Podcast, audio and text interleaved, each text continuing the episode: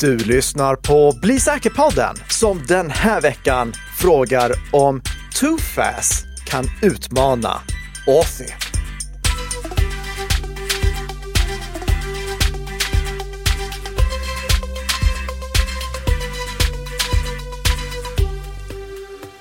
Spännande. Lite East Side West Side där. Eller vi får lite- väl se hur de utmanar varandra. Ja, lite konflikter här. Nej, ni kan vara lugna. Det är inga, inget allvarligt. Vi pratar bara om att en app har fått en konkurrent som kan bli ännu bättre. Och nu märkte ni att jag redan här pratade om någonting som kan ske i framtiden. Så där avslöjade jag på sätt och vis eh, svaret Ja. på veckans huvudämne. Men ni får alla detaljer i veckans huvudämne av Bli säker-podden som är inspelad när då Peter? Den 11 januari 2024 och släpps i din favoritpodcastspelare den 12 januari 2024 i ett ekonomiskt oberoende samarbete mellan Nika Systems och Bredband2. Innan vi går in på huvudämnet har vi några kortisar och vi ska då prata om anteckningsappen. Den säkra anteckningsappen Obsidian som vi använder här i, eh, till vardags till våra show notes. Och den kritiken du gav då eh, i eh, när vi pratade om den här tidigare avsnittet 213 och 214 var ju att den inte är i, eh, det, är, det är inte open source. Nej. Och det är en app som du ka- kallar eh, säkra second brain också då. Så att det är inte bara en anteckning liksom. Nej, det är um, många, vissa använder Obsidian som en ren anteckningsapp, andra organiserar hela sitt liv i Obsidian. Ja. Och eh, som du sa, det, vi använder Obsidian för våra show notes. Men nackdelen med Obsidian har ju varit att det inte är öppen källkod. Så när det kommer till till exempel den totalstreckskrypterade synkroniseringen, då har användarna varit tvungna att lita på att det faktiskt är totalstreckskrypterat på ett korrekt sätt. Att eh, de inte, alltså utvecklarna bakom Obsidian inte har gjort några misstag Eh, eller välja att synkronisera med någon egen lösning. Det alternativet finns ju också, även om det inte fungerar så där jättebra ifall en iPhone involveras i sammanhanget. Men den här veckan så har vi en glad nyhet. För Obsidian-gänget har nämligen anlitat Cure 53 för att genomföra en tredjepartsgranskning. Och eh, det är, alltså, tredjepartsgranskning det är någonting som jag självfallet uppskattar. Det är inte någonting som ersätter öppen källkod, men det är någonting som ändå gör att du kan lita mer på appen än om det både är stängd källkod och inte finns någon tredjepartsgranskning gjord av en eh, trovärdig granskare. Och Cure 53 tillhör ju eliten i de här sammanhangen. Sen har Obsidian-gänget också gjort helt rätt. De har nämligen publicerat den fullständiga rapporten på sin webbplats. Om de gör en tredjepartsgranskning utan att publicera rapporten så är det ju inte värt lika mycket. Men de har publicerat hela rapporten. Jag har läst den, jag har kollat vad som står och jag har framförallt kontrollerat vad var scopet för tredjepartsgranskningen? För att det händer att eh, det är organisationer som genomför tredjepartsgranskningar på bara en väldigt liten specifik del som inte är relevant för att bedöma helheten. Men Cure 53 har eh, granskat eh, apparna i sig inklusive synktillägget. Och det, det var egentligen det som var det viktigaste för mig, att de kollar på synktillägget. De har inte kollat på serversidan, men serversidan är inte lika viktig i och med att det är totalstreckskrypterat som synkroniseringen görs. Det vill säga, det finns ingenting som kan läcka på serversidan.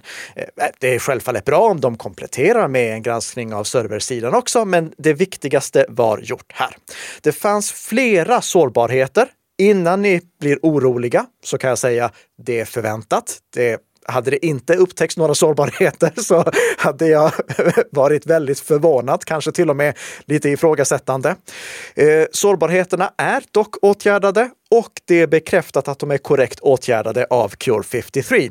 Så Obsidian, som tidigare liksom precis tog sig över vår tillitsribba, de har nu klättrat ytterligare lite över. Och eh, jag kan inte säga annat än två tummar upp och bra jobbat av Obsidian-gänget. Tack så mycket för att ni anlitade Cure 53 och för att ni publicerade rapporten. Det gör att er trovärdighet ökar.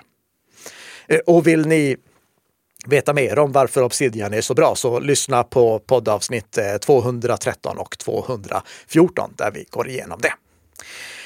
Men eh, vi kan tyvärr inte fortsätta med goda nyheter utan vi måste gå över till riktigt dåliga nyheter nu Peter. Jaha, det, ja, du tänker då på att eh, Facebook har eh, dödat har du skrivit. Men de har i alla fall inaktiverat eh, Sveriges största teknikgrupp på Facebook. Eller konsumentteknikgrupp. Ja.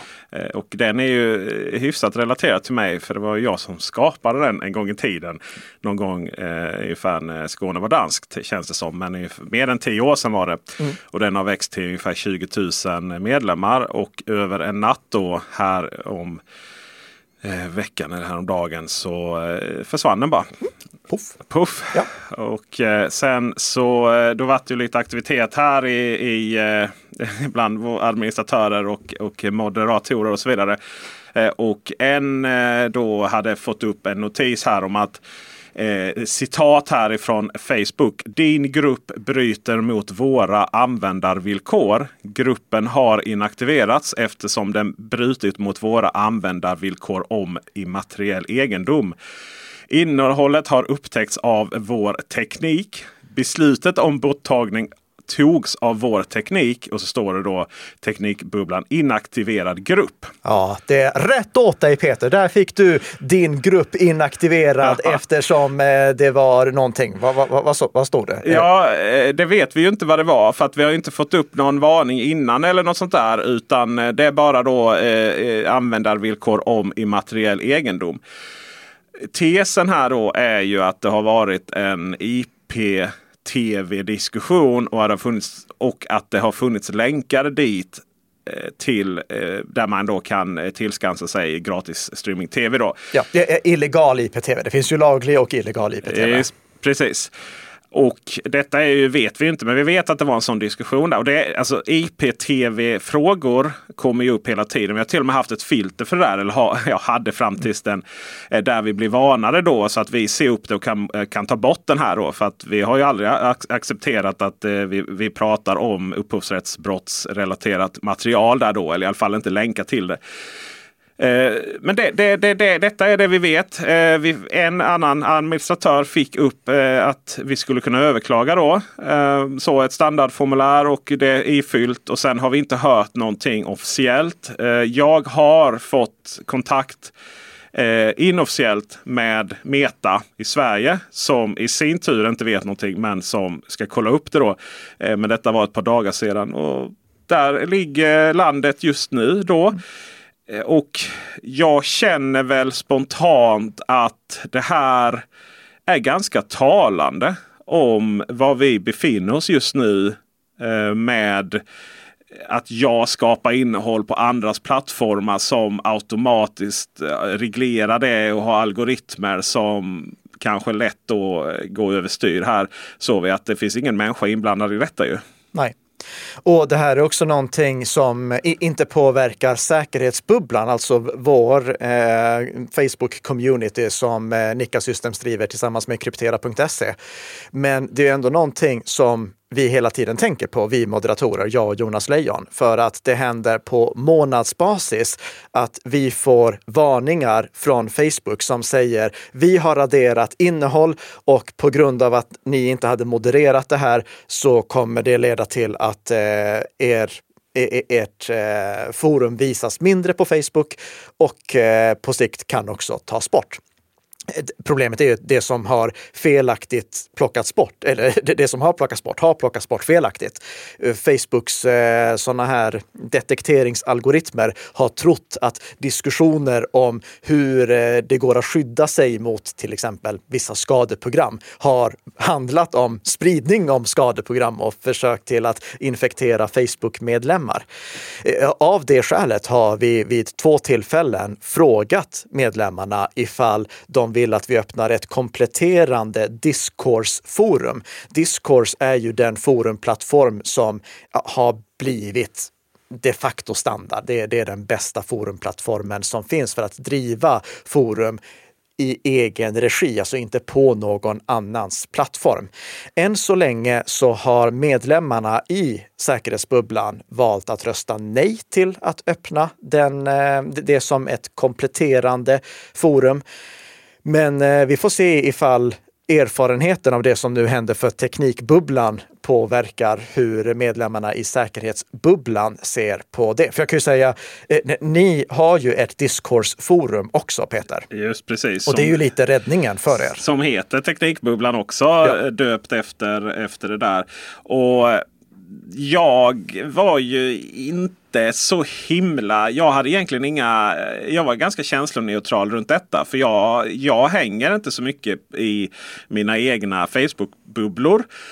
Utan jag hänger då i webbubblan då, alltså mm. face, eh, teknikbubblan på, på webben. Och det är där jag liksom har, känner att liksom det här är communityt på riktigt. Och det är också men det är också helt två olika sätt som vi läser grejer. För att i eh, på webben då så är ju det ett forum som man hänger på egentligen. Och är, visst, det är ju notiser som kommer in till mobilen och, och datorn och via e-post och så om vi så vill. Ja, fast du, du får inte notiser på mobilen från ert Discourse-forum.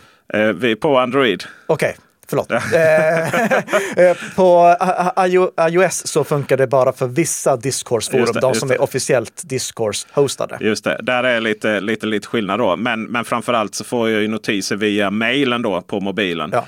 Eh, även i iOS-sammanhang. Och eh, det finns också eh, få notiser via tredjepartsappar. Alltså mm. det finns många lösningar på det här. Eh, komma runt det. Men det, det, hade, alltså det finns en väg här nu för eh, utvecklarna av liksom, den här forummjukvaran att kunna nästan bli en dominerande community. Bara de kan samla ihop flera olika forum. Ja. Eh, som jag tror på väldigt mycket. Men det är egentligen inte det det här inslaget handlar om här nu. Utan eh, jag var inte så himla sorgsen. För att jag har nämligen redan skrivit av Facebook som en fungerande plattform för communities. För Facebook är en, eh, en samling av min startsida och sen kommer det, ut, kommer det in olika information från olika grupper in på min startsida. Men jag hänger ju inte i grupperna. Jag hänger inte i säkerhetsbubblan. Eh, däremot så får jag eh, ibland in information på min Facebook-startsida från säkerhetsbubblan för att Facebook tror att det här är relevant för mig. Mm. Eh, och, och, så det är helt två olika saker. Och, och, sen är det också att jag har ju insett att vi, vi har inte den tekniken idag där algoritmerna kan hantera de här grejerna. Tyvärr så har vi lagstiftning som allt. För det var många som sa ja det här måste EU sätta ner foten runt. Och jag bara, ja, fast EU sätter ju inte ner foten mot det här. EU och vissa länder de börjar ju basera lagstiftning eller diskutera på basera lagstiftning på att algoritmerna faktiskt fungerar. Mm. Eh, chattkontroll är ju, är ju liksom det typexemplet av detta. Där hela diskussionen utgår från att algoritmerna fungerar Eh, dels att de fungerar generellt sett och sen i det fallet med chattkontroll så utgår man ju också från att, att det finns teknik som inte existerar. Ja, och, nej, men det, det, är faktiskt samma sak här, att det ansvar som EU nu lägger på plattformarna om att de ska se till att motverka spridning av desinformation. Eh, kanske då inte den desinformation som EU-kommissionen själva bidrar till, men det, det, alltså desinformationsspridning överlag. Det gör ju att Eh, eh, eh, jag kan tänka mig att de som skrev de här lagarna, de tänkte nu kommer Meta och X och de andra att anställa folk som faktiskt granskar vad som skrivs. Men det är ju inte det som det här leder till, utan det här leder istället till automatiska saker som plockar bort för mycket, som fällar hellre än friar. Ja och även kan leda till mer censurfilter, alltså begränsningar på vad som går att ladda upp. Men jag skulle bara vilja avsluta med att anknyta till det du sa om discourse, för att jag, jag hänger ju i många discourseforum. Det är eh, till exempel, eh, vi pratar om Obsidian. Obsidian har ett discourseforum. Bitwarden har ett discourseforum. Eh, det är allt fler sådana här företag och projekt har discourseforum. Men det som saknas, det är en bra officiell app som gör att du kan få serverat aktuella, intressanta saker från alla dina discourse-forum i den här appen med notiser på iOS. Och här har Discourse, som är en öppen källkodsmjukvara, eh, de som ligger bakom den, alltså de hade kunnat verkligen utmana Facebook här. Om de ser till att ha en bra prioriteringsalgoritm för vad som ska visas, då hade de kunnat bygga en decentraliserad lösning där de serverar information ur de forum som användarna har valt att gå med i. Och de som driver forumen, de behöver inte vara rädda för att de en vacker dag plötsligt inte existerar längre. För att det finns ingen som bestämmer vilka Discourseforum som ska få existera, utan det är helt enkelt de som driver Discourseforumen som själva ansvarar för det som publiceras i Discourseforumen. Så här, eh, eh, alltså jag kan säga att Discourse är den första plattformen som har möjlighet att utmana Facebook, men det är under förutsättning att de då skaffar en centraliserad app. För att annars så kommer det bara fortsätta vara eh, utspridda forum som bara de som faktiskt aktivt vill vill delta i diskussionerna går till. Som en sista sak här så kan jag ju poängtera att det finns en officiell Discourse-app även för iOS. Den suger stenhårt. Ja, ja. det finns inofficiella eh, som är lite bättre. Men man kan helt enkelt säga att vi, vi kan nå en framtid här där eh, det, det här gänget bygger upp någon form av sociala medieplattform och lyckas med det som Mastodon och andra försöker göra. Alltså mm. det vill säga bygga en decentraliserad media. Men att man går lite bakvägen. Ja. Och det är ofta så man lyckas. Så vi får se helt enkelt vad konsekvenserna blir. Ja. Eh, Eh, på tal om konsekvenserna så ska vi faktiskt ta en sista snabbis om dålig konsekvensbedömning. Och det här är med anledning av en artikel som jag läste i Ny Teknik. Och det är ingen kritik mot Ny Teknik här, men mot slutsatserna som riskeras att dras från rubriken som löd citat “Företaget slutade tvärt med Slack”. Citat “blev mer produktiva”. Slutcitat, slutcitat. Och att de blev mer produktiva på grund av att de slutade med Slack, det är jag först och främst tveksam till. Eh, Slack det är alltså eh, ett samarbetsverktyg, precis som Microsoft Teams. Microsoft Teams är väl i och för sig mer en kopia av Slack, men oavsett vad. Eh, det, det, som står i den här artikeln, det är att medarbetarna bedömde att de blev mer effektiva när de eh, i ett veckolångt test förbjöds att använda Slack. Eh, för det första så kan vi inte dra den slutsatsen bara av att medarbetarna själva säger det. Och för det andra så är en vecka för kort tid, för det kan ju hända att det hade blivit en backlash efter någon månad utan att ha ett sånt här samarbetsverktyg som Slack. Men det är inte därför vi tar upp det i Bli säker-podden. Ni har nog räknat ut att det finns ett annat skäl till att vi pratar om det i en podd om eh, säkerhet. Och det är för att eh, i slutet av den här artikeln, då står det att citat, istället för att använda Slack använde 80 sms och e-post. Slutcitat. våra, våra gamla käpp, våra otroligt osäkra gamla käpphästar alltså. Fatta vad ni har ställt till med! Alltså okej, okay, ja, vi, vi använde inte Slack, utan vad gjorde vi istället? Jo, vi gick från en ett säkert kommunikationssätt, säkert på det sättet att det, alltså Slack har åtkomst till meddelandena som skickas, precis som Microsoft har åtkomst till meddelandena som skickas via Teams. Men det, det är ändå ett stängt, säkert, eh, autentiseringskontrollerat och icke spoofbart kommunikationssätt. Det finns ingen risk att någon utomstående, eh, förlåt, det finns låg risk att någon utomstående kommer in och kan utge sig för att vara någon som de inte är. Det måste finnas någon som begår ett misstag då. Så att användarna gick över från att kommunicera säkert till att börja skicka sms och e-post. Alltså snacka om att skjuta sig själva i foten.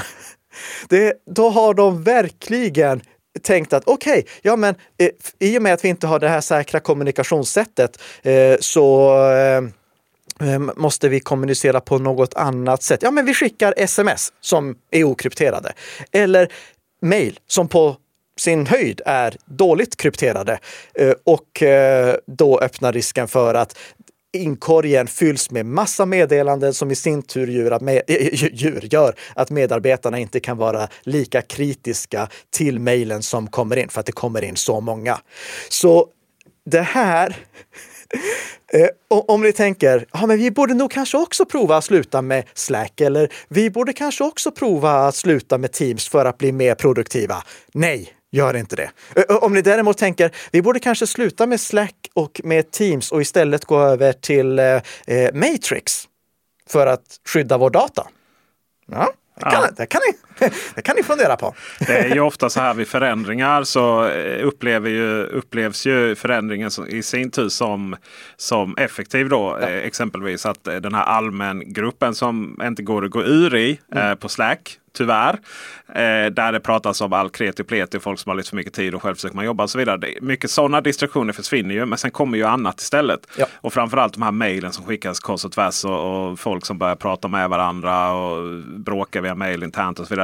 Nej, eh, sådana artiklar, eh, men de kommer. Det är rewrite så även eh, Ny Teknik behöver, behöver jobba med det så att säga.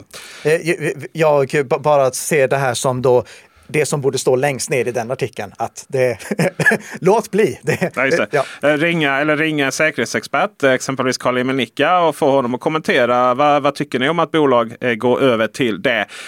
Men det kanske kommer i nästa artikel. För ja. nu ska vi prata om rap-battlen mellan Too Fast och eh, AFI. Exakt. Vi vet att vi behöver tvåfaktorsautentisering. Det, där, det sparkar in öppna dörrar. Men bara för att ta ett väldigt uppenbart exempel så kan vi kolla på det som hände med Mandiant på Twitter, eh, eller X som det numera heter, i förra veckan. Det hände ju alltså, i princip dagligen att eh, Twitterkonton blir kapade och så börjar det spridas kryptovalutabedrägerier. Det är alltså inte bara att Twitter själva tillåter, eller de tillåter säkert inte i verkligheten, men de har inte verktygen för att förhindra att eh, eh kryptovalutabedrägerier sprids via annonser. Det har inte Meta heller för den delen, vilket jag kommer återkomma till i ett senare avsnitt en gång till.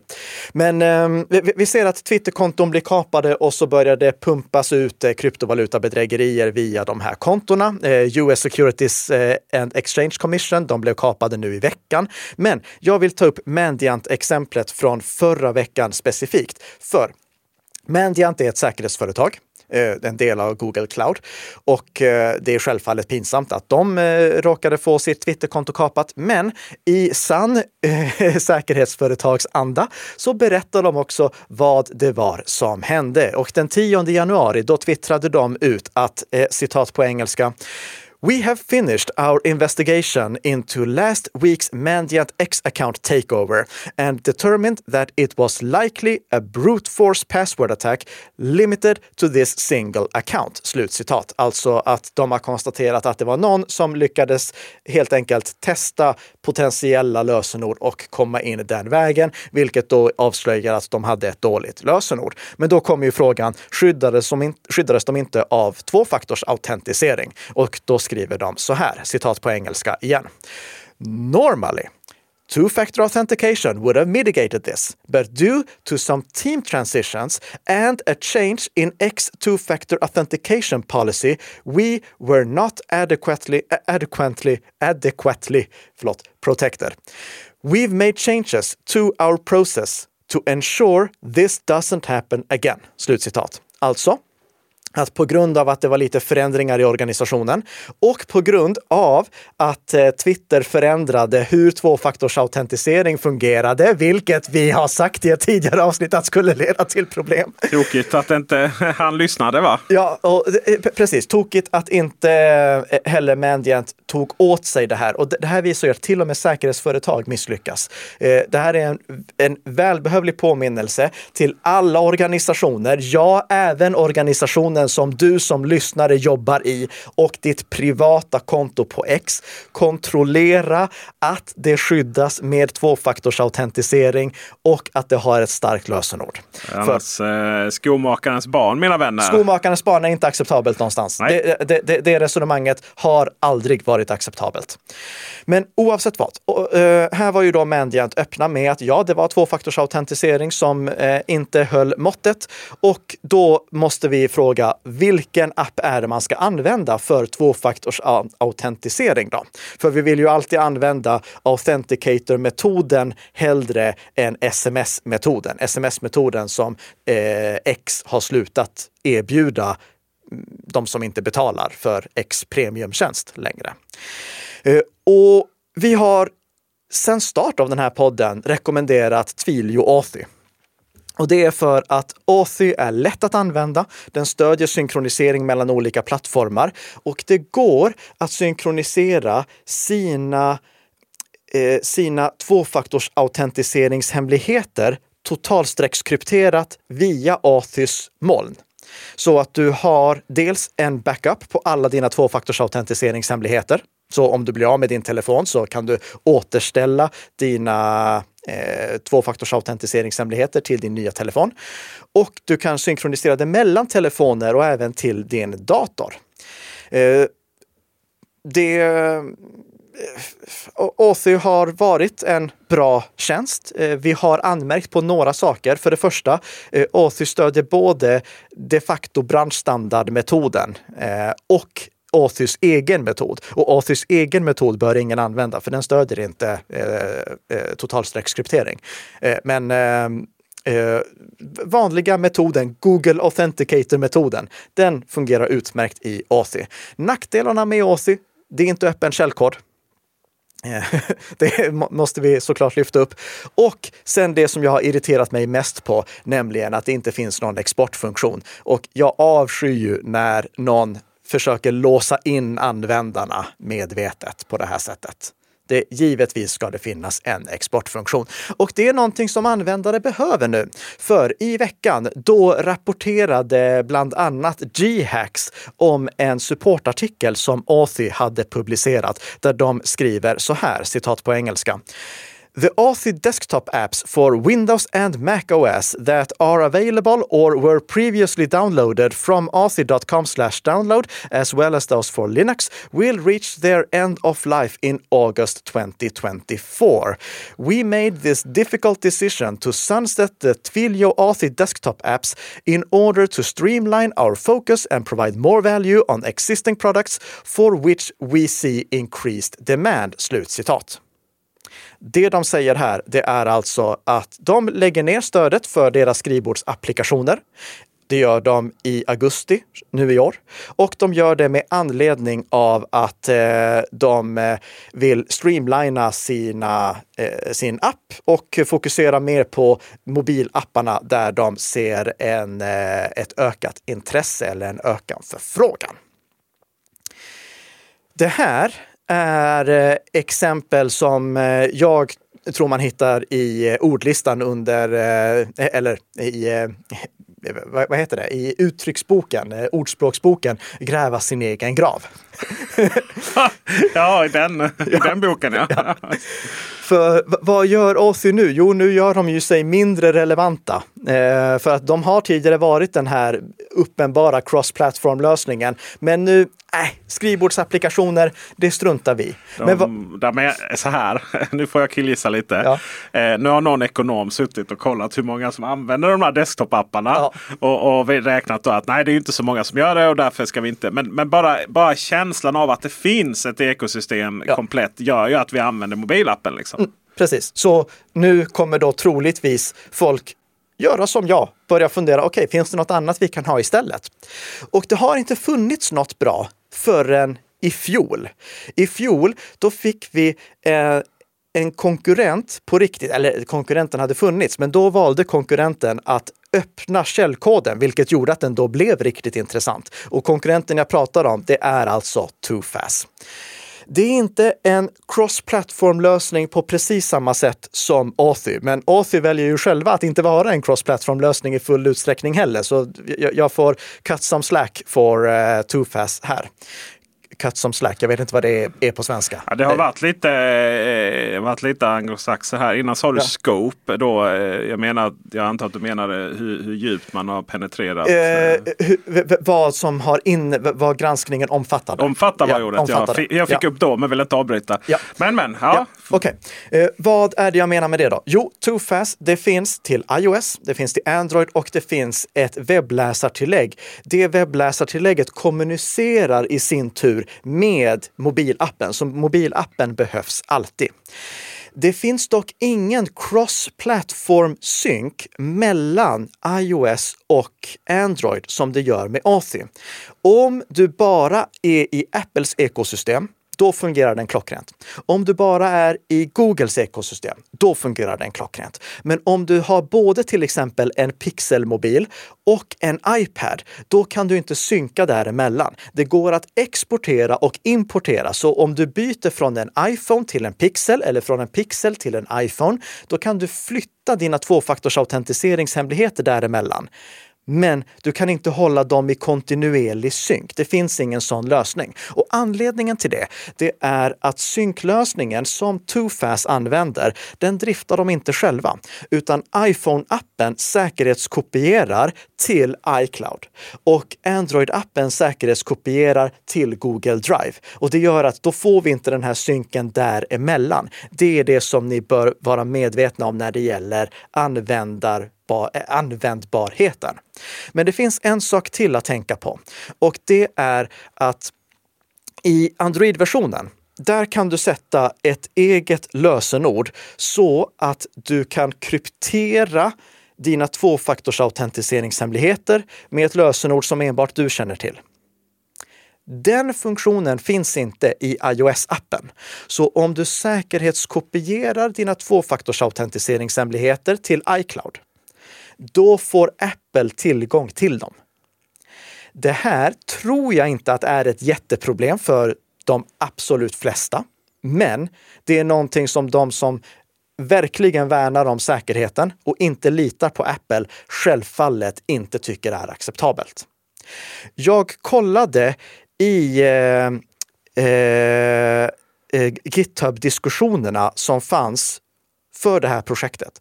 Och där skriver de som utvecklar, huvudsakliga utvecklarna av Tofast-appen att stöd för det här satsa, eh, stöd för säker synkronisering via iCloud satsar de på att lägga in i version 5.4. Och när jag kollar vilken version som jag har installerat idag så är det 5.2. Så det här är alltså någonting som kommer i framtiden. Men i övrigt så verkar det här vara en klockren app nu när den har öppen källkod. Och det är öppen källkod på riktigt. Vi har pratat om till exempel Rivo som har tillgänglig källkod, det vill säga eh, det är källkod som går att granska, men det är inte så att någon får ta hela projektet och bygga sin egen app runt omkring. Det här är riktig öppen källkod. Eh, GPL version 3 för er som är intresserade. ja. Vad eh, kan vi då konstatera? Jo, eh, för det första, det här kan bli en riktig konkurrent. Eh, dagen då de har släppt version 5.4 och implementerat stöd för att faktiskt eh, skydda dina tvåfaktorsautentiseringshemligheter på riktigt, då skulle jag säga att det här är en riktig konkurrent. Och tyvärr så går det inte att importera lösenord, förlåt, tvåfaktorsautentiseringshemligheterna från Authy till 2FAS.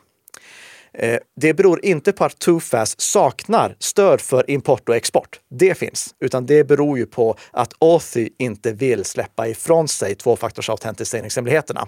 Så om du vill gå från Authy till Tufas, då måste du tyvärr inaktivera tvåfaktorsautentisering på alla, eh, äh, tvåfaktorsautentisering på alla de berörda kontona och sen aktivera det igen med Tufas. Eh, lite problematiskt, tyvärr. Sen finns det en varningsflagga som jag vill lyfta upp också. Det här, Ja. Den här röda flaggan. Det ser man den på internet ska man springa egentligen. Ja, och det är att eh, Tofast, de erbjuder en NFT, en non-fungible token. Och eh, alltså, ni som eh, lyssnar på den här podden, ni har kanske sett till exempel Fula apor, The Board Eight Yacht Club, att man kan köpa teckningar, inte så att man äger upphovsrätten till dem, utan så att man på något sätt äger teckningen utan upphovsrätten och så att du kan sälja den till någon annan. Vi hade faktiskt planerat att göra ett avsnitt om NFT specifikt och vansinnet med att till exempel eh, den här bilden inte ens lagras i blockkedjan utan den lagras på en server som kan försvinna en vacker dag. Eh, men eh, hela NFT tramset hade dött ut när vi väl kom Ja, det, fram gick, till... det gick så snabbt. Ja, det- och, ju snabbare det går upp, ju snabbare går det ner. Ja. Eh, Men det, det, det händer fortfarande att eh, fula fiskar försöker lura med att investera i den här NFTn. Den kommer go to the moon i värde och så kan du sälja den för någonting mycket mer än vad du en gång köpte den för. Även om eh, det med absolut största sannolikhet inte händer. Så när jag såg det här, då tänkte jag nej, varför håller ni på med det här? Ja. Men sen läste jag det som stod. Och jag kan säga att utelämnandet av ett ord räddar dem i det här sammanhanget. För Too Fast, det finns ingen reklam i appen och eh, den finansieras helt och hållet av donationer. Eh, precis som Signal. Och jag, har ju till exempel en liten symbol i Signal som visar att jag donerar på månadsbasis eh, till Signals verksamhet. För att Tofast skulle kunna göra något liknande så började de erbjuda den här NFTn. Och de skriver så här, citat på engelska. Support our project by donating us and receive a unique hand-drawn NFT as our thanks. This NFT promotes the value of security and privacy and allows you to participate in a closed community of people who have real impact on the development of the Too Fast application. Slutcitat. Notera att ingenstans här sa de investera. Ordet invest finns inte med. De marknadsför inte det här som någonting du kan tjäna pengar på, utan de säger bara om du vill donera till oss så får du, om du vill donera till oss på det här sättet, du kan göra det med vanliga pengar också, eh, så får du en teckning som hjälp, eh, teckning som tack. Alltså om, om du donerar genom att köpa den här NFTn, eh, då blir vi glada och du får en teckning som tack. Det är inte så att det här kommer vara värt mer i framtiden, utan det är bara tack så mycket för att du donerar. Så eftersom de inte hade med ordet invest så eh, släpper jag faktiskt igenom det här. Frågan som då kvarstår är varför ska vi inte bara spara våra tvåfaktorsautentiseringshemligheter i vår lösenordshanterare? Alltså, eh, varför behöver vi en dedikerad app för att kunna spara våra tvåfaktorsautentiseringshemligheter? Alltså, det finns ju stöd i Bitwarden och det finns stöd i eh, eh, One Password för att spara tvåfaktorsautentiseringshemligheter och generera engångskoder. Är inte det en bra lösning? Ja, det finns både för och nackdelar med det. Och det kommer vi att gå igenom i detalj i nästa veckas avsnitt. Så om du vill ha svar på den frågan, passa på att prenumerera på podden. För redan nästa vecka, ja, då är vi tillbaka med ett nytt avsnitt av Bli säker-podden som gör dig lite säkrare för varje vecka som går. Tack för att du har lyssnat.